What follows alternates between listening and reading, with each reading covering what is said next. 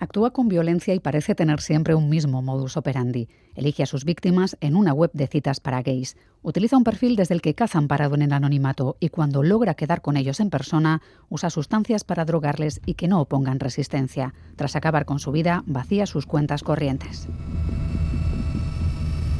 La Archancha cree que el varón en busca y captura habría asesinado a cuatro hombres en sus domicilios, todos ellos ubicados en Bilbao. La ventana temporal está entre septiembre y octubre de 2021. Y podría haber una quinta víctima, pero esta vez logró escapar y explicar que un hombre con el que había quedado le asaltó al llegar a su casa y trató de estrangularle.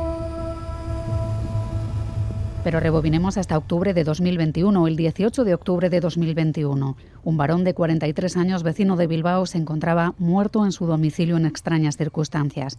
La investigación se inicia a raíz de la denuncia de su hermano, quien asegura que alguien ha sacado importantes sumas de dinero de la cuenta de su hermano usando su tarjeta de crédito en diferentes cajeros automáticos cuando su hermano ya estaba muerto.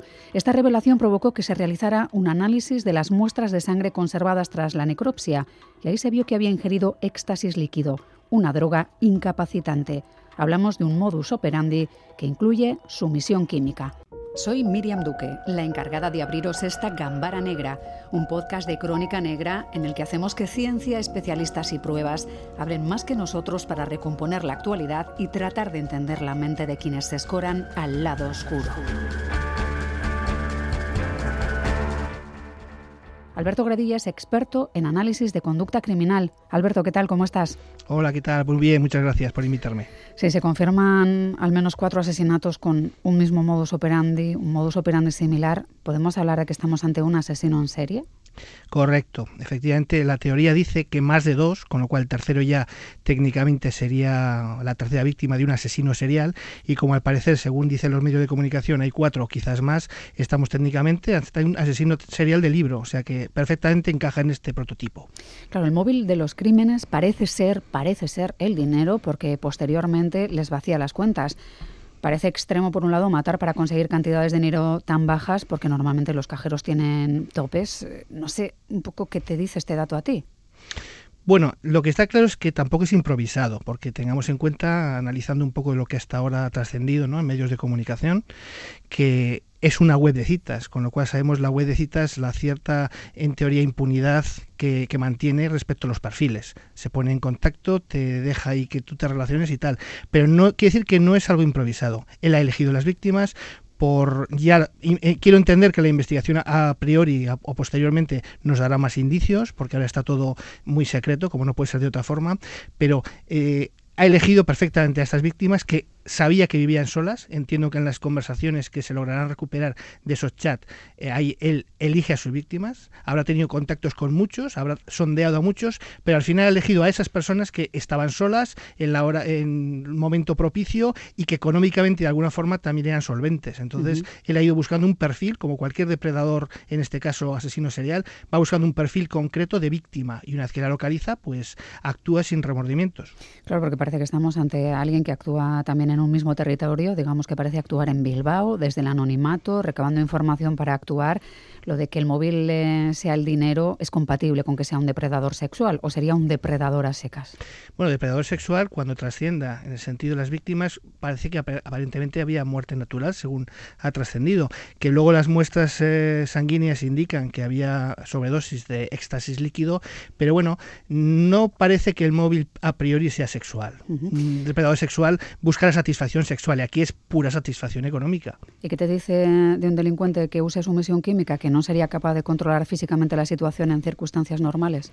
Pues es muy cómodo, porque al final te da absoluta impunidad. Eh, a priori te deja en un estado alterado de tal forma que consigue arrancarte tus claves de, de acceso al banco, etcétera, y como parece ser que está demostrado, si hay un exceso de sustancia, pues te puede provocar la muerte. Pero bueno, al final, sea sobre un hombre, sea sobre una mujer, lo que buscamos siempre es el dominio, el poder y controlar yo en todo momento la situación, que no exista una reacción eh, defensiva por parte de la otra persona.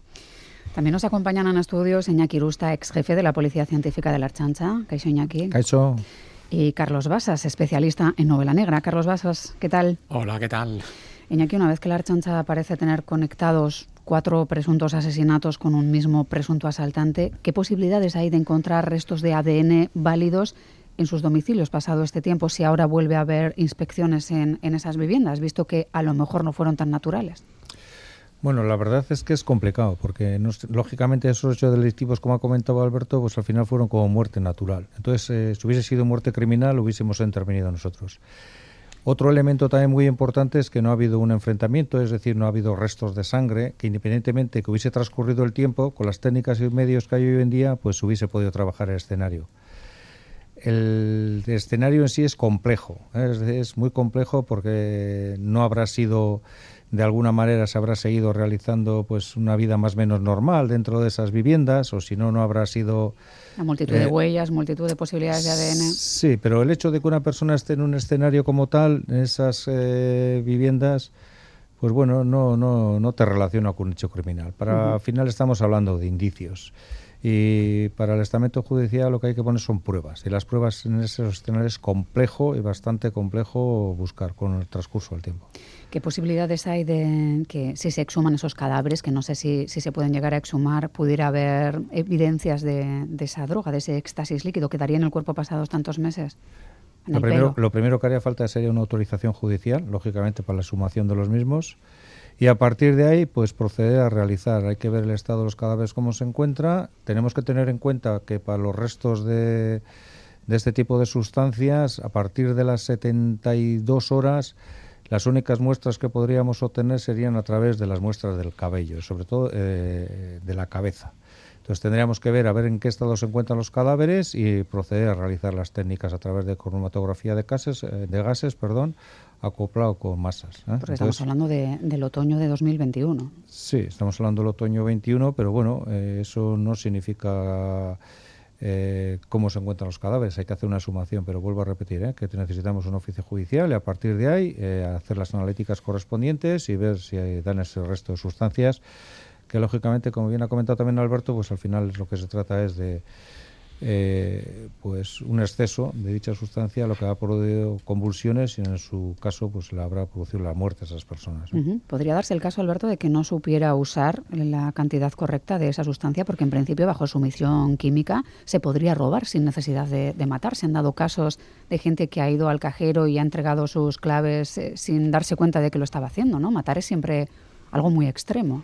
Sí, podríamos hablar de error si efectivamente a la primera persona que le le he puesto el éxtasis de la forma que haya sido y la ha tomado y, ha fallecido, si yo no tuviese intención de matar diría, uy, caray, me he pasado, ¿no? La siguiente dosis la voy a reducir o la voy a controlar, pero el modus operandi es siempre el mismo. Quiere decir que error podemos tener en la primera, en el segundo, tercero, cuarto, quinto, ya no hay error. Con lo cual queda claro que él, su ánimo, a priori, según entiendo yo como experto en análisis y además abogado, es su ánimo es de matar. Es lo que yo entiendo, ¿eh? O sea que las intenciones parecen estar claras. Eh, Carlos, no sé si a ti también te ha pasado, si os ha pasado al resto, escuchar este caso nos recordaba al crimen de la banda de Badu, llamado así porque usaba una web de citas para quedar con hombres en lugares apartados y agredirles en ocasiones hasta la muerte, como fue el caso de Josechu, sabiendo que gran parte de ellos no denunciarían por, por vergüenza o por evitar tener que acudir a bueno, pues a la policía diciendo que, bueno, pues que pensaban que tenían una cita con una persona y que han sido timados y agredidos. No sé si has tenido esa sensación también. Sí, sí, sí. Y es, perdón, estaba pensando ahora eh, en, hacer una distinción. ¿no? Eh, en este caso, eh, como estamos viendo, o eso parece, el fin último de, de estos crímenes sería el económico no el sexual, ¿no? Pero también hay otra vertiente en otro tipo de casos muy famosos, muy sonados, donde también se utilizaban apps de citas para eh, cometer asesinatos, algunos asesinos en serie, en ese caso sí con una finalidad sexual, ¿no? que sería distinto. Yo estaba recordando eh, desde Bruce MacArthur, Richard Rogers, Colin Ireland, que era el, asesino gay. Eh, en este caso sí nos recuerda más a ese de Badu, porque efectivamente el, ese fin último no es la, búsqueda de la satisfacción sexual mediante el, asesinato, la tortura, el desmembramiento, sino hacerse con, ese número ¿no? de, tarjeta de crédito, etcétera.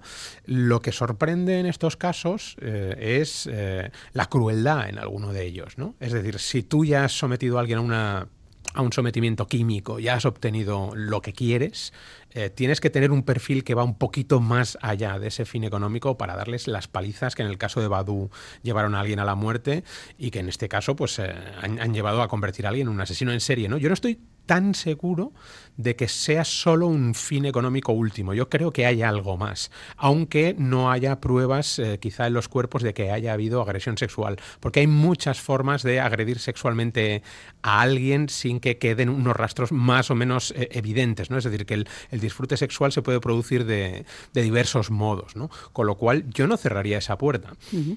Alberto, no sé si cabe esa posibilidad de que esta persona no tenga ninguna empatía y que disfrute viéndolos morir, por ejemplo, ¿no? Que, que su excitación se produzca por, por la muerte, aunque no produzca abusos. Podría ser. Sí, podría ser. De hecho, uno de los rasgos psicopáticos al final es eso. Uh -huh. Muchos asesinos seriales psicópatas, eh, su placer sexual lo obtienen, incluso eyaculan encima de los cadáveres cuando están justo muriendo.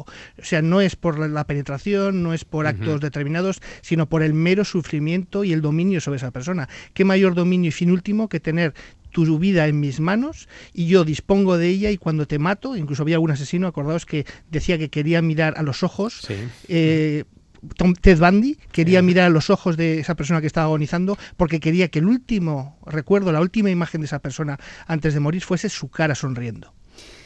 En fin, hay seres humanos de, de, toda índole. Esperemos que haya posibilidades de acotar de quién estamos hablando, Iñaki, porque el último agredido, el de diciembre de 2021, pues lograba zafarse. Sí que parece hablar de una pelea entre ambos eh, y denunció en la policía, ¿no? Que logró zafarse y que, bueno, que en principio intentó besarle y que luego intentó estrangularle. Ahí probablemente, como mencionabas antes, sí que haya posibilidades de que haya epiteliales o algo en, en las uñas, ¿no? Si dentro de esa agresión logran encontrar porque localizado como, como, ser humano está, lo que pasa es que está en, en, busca y captura, ¿no? Si saben de quién estaríamos hablando. Bueno, las si se hubiesen realizado en el momento en que puso o interpuso la denuncia, lógicamente, pero me imagino que eso habrá, habrá transcurrido como pues un enfrentamiento y ahí habrá quedado. Independientemente de eso que se localice, que en ello se andará, pues luego hay que demostrar y poner las pruebas para que relacionara a este individuo con los cuatro o con los cinco hechos criminales, ¿no? Es decir, las testificales sí son importantes, pero las pruebas, en este caso, para el ámbito judicial van a ser mucho más. Veremos a ver en qué queda todo esto. Sí que parece extraño, mm. Alberto, no sé si te resultaba curioso que dijera que intentó besarle y después presuntamente procedió a tratar de estrangularle. A lo mejor solo es una forma de acercarse, ¿no? Sin levantar sospechas. Pues que mayor intimidad y mayor distancia o menor distancia que cuando quiero iniciar esa relación sexual. Y si, y si está entregada a la otra parte, pues al final está un poco desmadejado y a tu disposición. Claro que uh -huh. sí, que es lo más idóneo, ¿no? El momento más que está uno más sensible o más indefenso. Pues esta era una de las cuestiones que teníamos hoy sobre la mesa, pero hay otro caso del que quiero hablar con vosotros.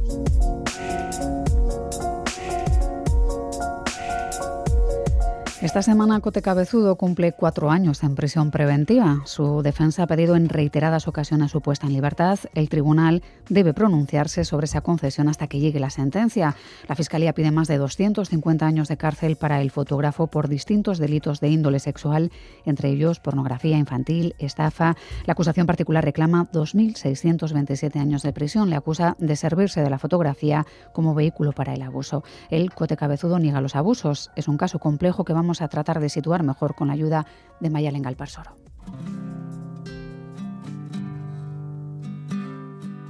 ¿Sabía que usted iba a hacer fotografías en planos directos sobre su zona pública completamente desnuda y que esas fotografías se iban a publicar en Internet?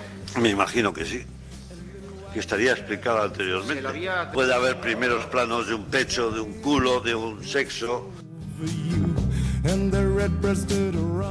Yo les pedía lo que yo intentaba crear allí. Un, un, ambiente, 17 años creo que eran, suficientemente maduras como para saber lo que estaban haciendo. Son las explicaciones de Cote Cabezudo durante el juicio. El fotógrafo se defendía diciendo que las modelos sabían lo que hacían y que todo lo que ocurrió en su estudio fue consentido.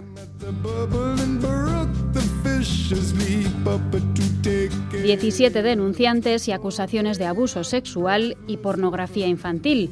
El abogado de las chicas, Mario Díez, asegura que la posición social del fotógrafo Donostiarra intimidaba a las modelos y que su objetivo era abusar sexualmente de ellas. Cuando firmaban un contrato con él, vendían su alma al diablo sienten que el señor Cabezudo está blindado. Está blindado por el contrato que les ha hecho firmar. Está blindado por todo su entorno profesional, su imagen de prestigio en la ciudad, las personalidades que aparecen en su página web, la fotografía del alcalde, el trabajo con el ayuntamiento, la Cámara de Comercio. O sea, la estructura que la víctima lo que piensa es voy a denunciar y ¿quién me va a creer? Y los psicólogos que atendieron a las víctimas confirman signos de ansiedad, estrés y depresión. Dice que en esas sesiones bueno, le solicitaba que se desnudara y que incluso él se ponía desnudo en las, en las sesiones y se insinuaba para mantener relaciones sexuales con ella. Y visto lo visto, el fiscal Jorge Bermúdez modificaba su petición de condena al considerar probado que Cabezudo cometió al menos ocho violaciones. Ocho delitos de violación, además de corrupción de menores en su modalidad de producir y difundir material pornográfico de menores, agravado por ser de carácter especialmente degradante o vejatorio. En su defensa, el fotógrafo habla de consentimiento y total colaboración por parte de las chicas, algunas de ellas menores de edad.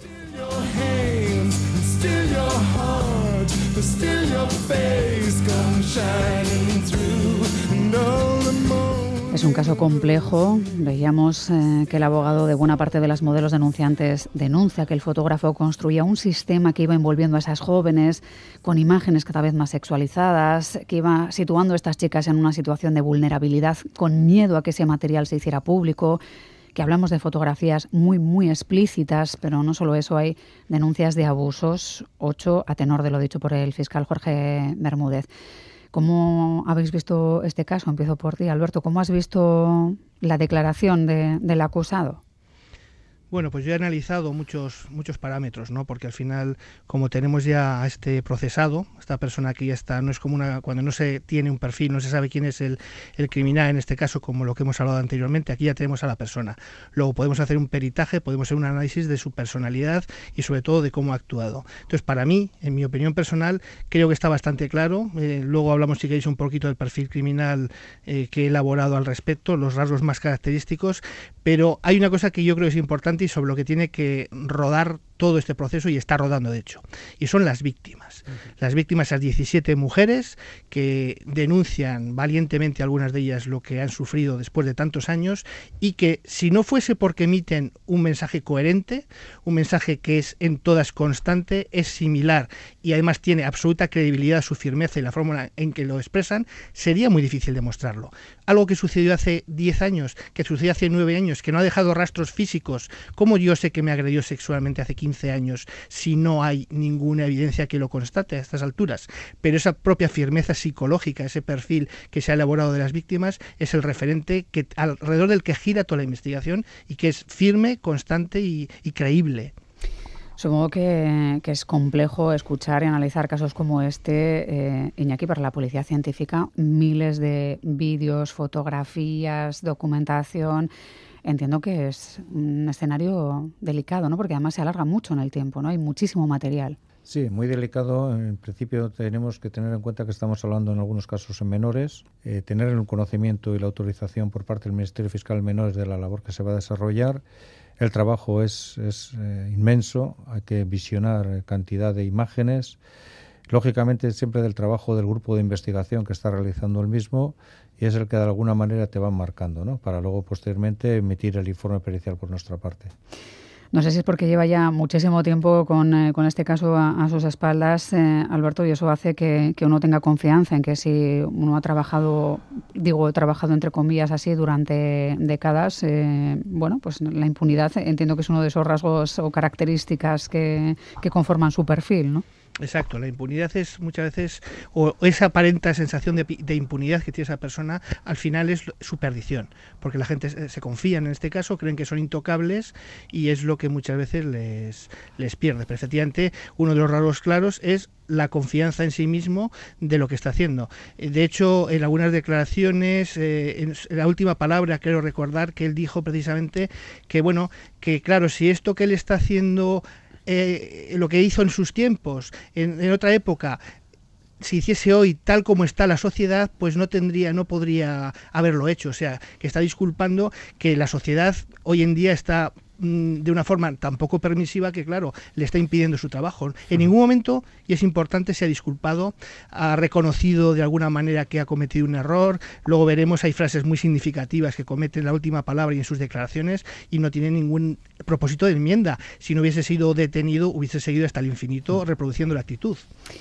Habrá quien le recuerde este caso, el caso de, de Weinstein, ¿no, Carlos? Que, había que pagar un peaje por dar los primeros pasos en el cine y controlaba así el mercado. Sí, bueno, el caso Weinstein sería como elevar este a la enésima potencia, ¿no? O hmm. sea, en, el, en el centro de ese universo paralelo llamado Hollywood, pues bueno, este señor era un auténtico depredador porque además ejercía un poder omnímodo eh, sobre la industria. Mm, no te puedes hacer a la idea, es decir, es quien hacía y deshacía por en por encima de cualquier otra, cualquier otro directivo de cualquier otra mayor, ¿no? Y, y además no solo sometía a principiantes, ¿no? había, había gente un poquito también más, eh, más relevante, con, cierto nombre eh, incluso, lo cual le debía dar todavía más satisfacción. ¿no? Es decir, cojo a, una estrella de cine que se supone que es alguien mm, intocable y lo someto, lo rompo, lo humillo y bueno, este señor se dedicaba a esto, ¿no? No era tanto, como solemos decir siempre en, los casos eh, sexuales o en muchos casos sexuales, no era tanto el sexo el fin como eh, ese desplegar su poder casi de Dios, ¿no? Mm. Y esa, esa humillación, el decir, yo puedo, y encima a la vista de todos. Claro, aquí tiene cierto, cierto paralelismo porque es verdad eh, que el abogado de 14 de las 17 jóvenes hablaba de que esto había pasado durante décadas, presuntamente, y cómo los contactos del acusado, incluso con trabajando para instituciones oficiales, hacían que las víctimas pensaran que nunca iban a ser creídas, ¿no? Sí, bueno, y, es muchísimo peor cuando una víctima es anónima, ¿no? Y, de repente ves efectivamente los supuestos contactos o los contactos reales de, que pueda tener alguien, lo cual eh, a ti te atemoriza, pero en el fondo no significa nada, porque eh, hay que tener presente que muchas veces el poder, cuando alguien cae en desgracia, para no mancharse, empieza a soltar lastre. Alberto, ¿cómo definirías tú qué ha sido la estrategia del procesado Cote Cabezudo? Yo solamente, y sigo aduciendo, que es muy importantísimo y siempre tenemos que reclamar el papel de las víctimas, que es fundamental. Si leímos simplemente unas frases que tengo aquí recogidas de las víctimas, que dice, perdió la virginidad con él, se quedó bloqueada, no sabía parar los pies. Él, Cote, le amenazaba con hablar con sus padres y decirles que era ella la que le buscaba. Quiero decir, él tenía un modus operandi, según he podido yo analizar y entiendo, que era muy claro. Hay que tener en cuenta, y nuestros oyentes creo que también son conscientes de ello, que no todos los modelos femeninos y masculinos que pasaban por su objetivo fotográfico sufrían abusos. Él lo tenía muy claro. Desde el principio buscaba la víctima propicia, buscaba esa mujer que era más susceptible, más débil mentalmente o que era más amenazable y poquito a poquito le iba sometiendo a algo cada vez más, eh, digamos, más atrevido. Hoy te bajo un poquito eh, el escote, mañana te subo un poquito más la falda, espera que te coloco esto, te voy tocando, te voy tocando y va entrando en un círculo de dominación y poder que al final subyuga a la víctima y va consiguiendo lo que él quería, que es esa dominación. Recordemos que se ha hablado de 150 agresiones sexuales en el caso de alguna de las víctimas, que hay que estar muy asustada y muy amenazada para eh, aceptar tal cantidad. Y bueno, pues él, su modo operandi era, claro, su prestigio, su repercusión social, su situación, eh, el sentirse tan protegido ha propiciado que él su modus operandi, como os digo, lo vaya aplicando automáticamente tantas veces que se ha sentido impune hasta que, bueno, eh, la valentía ha, propiciado que se proceda a su, a su encarcelamiento. Tienen ese salvoconducto de no eres nadie, nadie te va a creer. Mm. Y con eso, actúan como auténticos animales. Hecho de la impunidad que mantiene este hombre, ya lo dice el artículo 181 del Código Penal, dice el que sin violencia o intimidación, él dirá, pero si yo no he tenido ni violencia ni intimidación, entonces, ¿de qué se me...? Pues estamos claro que es un abuso sexual, ¿no? Y está contemplado como unos delitos graves. En este caso, pues creo que de uno a tres años. ¿Qué pasa normalmente si después es condenado a una pena mucho menor? Este nivel de peticiones de años de cárcel tan altas, porque después genera esa sensación tan angustiosa de que a lo mejor solo se le condena a 30, que siguen siendo 30 años de cárcel, pero comparados con más de 2.000, suena a que no se ha hecho justicia. Bueno, al final es nuestra legislación. Nuestra legislación está así armada, dice que tres veces el delito más grave, etcétera, con un máximo de años, y es con las reglas de juego que tenemos, son las, reglas de que nos hemos dotado y tenemos que, jugar con ellas, no queda otra opción, ¿no? Que luego, evidentemente, para cualquier víctima, todos los años que se le imponga a una persona siempre van a ser pocos, porque se ha sufrido tal daño moral, incluso tal daño físico que le ha impedido desarrollar su vida normalmente, cualquier año o, cantidad de años que a una persona se le eh, condene van a ser pocos, pero bueno, es la legislación, tenemos que jugar con eso. Más preocupación es pensar si esta persona puede ser quiero decir, una persona que tiene ciertos componentes y tiene este perfil eh, con estos rasgos que puede tener algún punto de psicopatía muy concreta, esta persona cuando pase X años, sean 10, sean 15, sean 25, y retorne a la calle, esta persona va a estar curada, esta persona va a poder reintegrarse perfectamente en la sociedad, pues bueno, sería un punto que habría que tratar. Mm, hombre, para empezar, si no reconoce el delito, ni siquiera pide perdón ni se arrepiente, difícil, difícil lo tiene.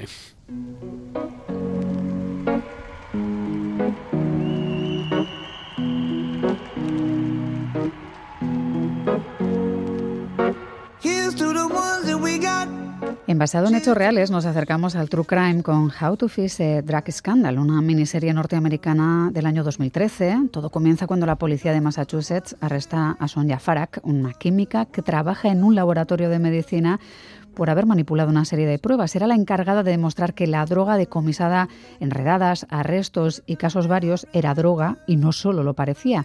La serie pivota en lo que parece un caso de química que acaba consumiendo la droga que está testando y por tanto cómo fiarse de los casos que se han basado en su trabajo. Así suena. I was smoking at the lab, smoking at home. I actually smoked in the evidence room. I was totally controlled by my addiction. At these drug labs, a single chemist can do thousands of cases a year. It wasn't really clear the extent to which things had gone wrong. Carlos Sonia Farak. Hmm. Bueno, Sonia Farak es eh, efectivamente una empleada de uno de los dos laboratorios que hay en el estado de Massachusetts eh, al servicio de la policía estatal.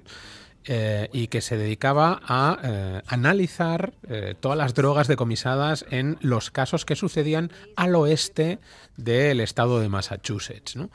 Y ella llega a un momento en el que, mm, bueno, por una serie de circunstancias personales, por una mm, depresión galopante, por otra serie de circunstancias, empieza a volverse adicta a los productos que tiene que testear.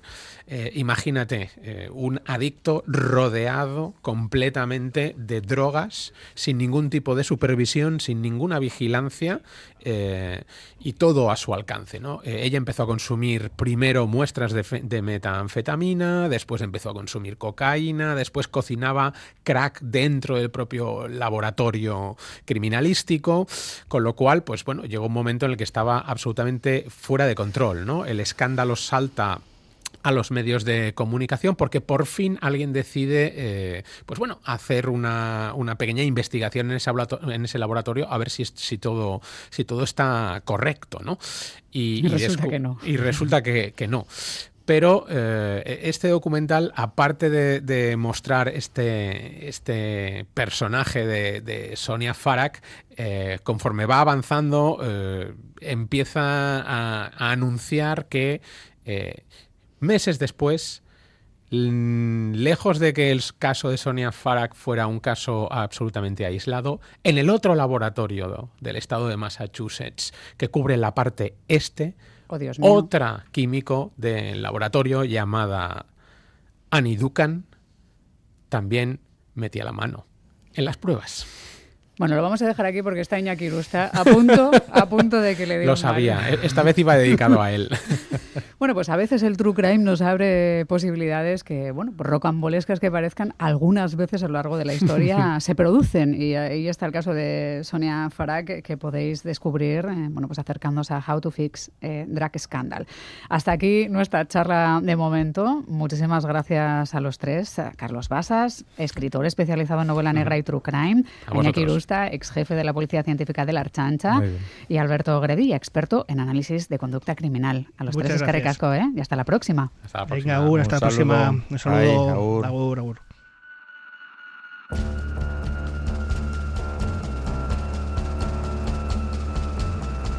Gambara Negra, el podcast de crónica negra e investigación de EITB Podcast.